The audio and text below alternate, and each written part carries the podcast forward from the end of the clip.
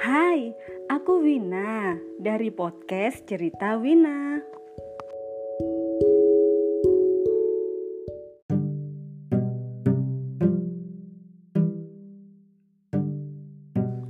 Apem. Apa sih yang ada di pikiran kalian dengan apem? Bagiku, apem ini spesial banget.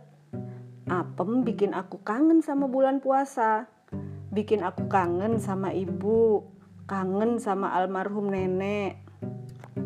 Ibu selalu bikin apem saat menjelang bulan puasa. Nenek juga. Apem dan pisang, apem dan pisang dibagi-bagiin ke tetangga. Nah, setelah aku nikah dan tinggal di rumah sendiri, aku berusaha berbagi apem dengan tetangga. Ya, walaupun sih bukan aku ya yang bikin apem.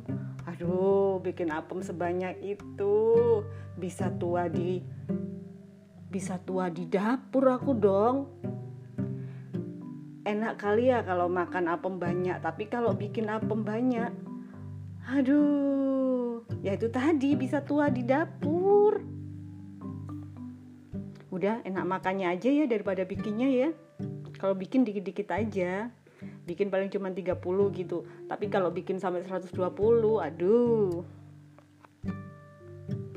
Apem.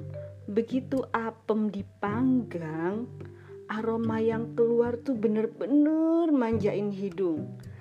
Hmm aroma santan tape dan nangka berpadu jadi satu. Setelah matang rasanya gemes banget pengen gigit apem.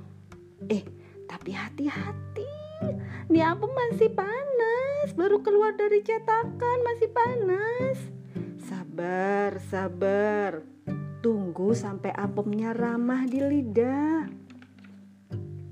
Masih sabar kan ya? Kalau sudah nggak panas gigit deh apemnya perpaduan tepung beras, santan menyatu jadi satu, sedap banget. Apalagi ya, kalau apemnya ini sudah kita makan dan kita gigit, lalu kita ketemu sama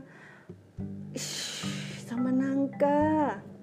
Aduh, rasanya nikmat banget. Kayak ketemu harta karunnya apem kan?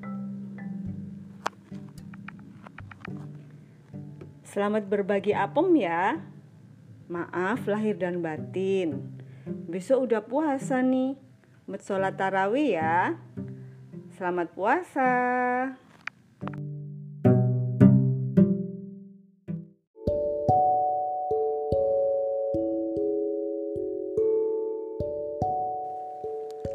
Makasih ya udah sabar dengerin aku. Sampai ketemu lagi ya di episode selanjutnya. Bareng aku Wina dari podcast Cerita Wina.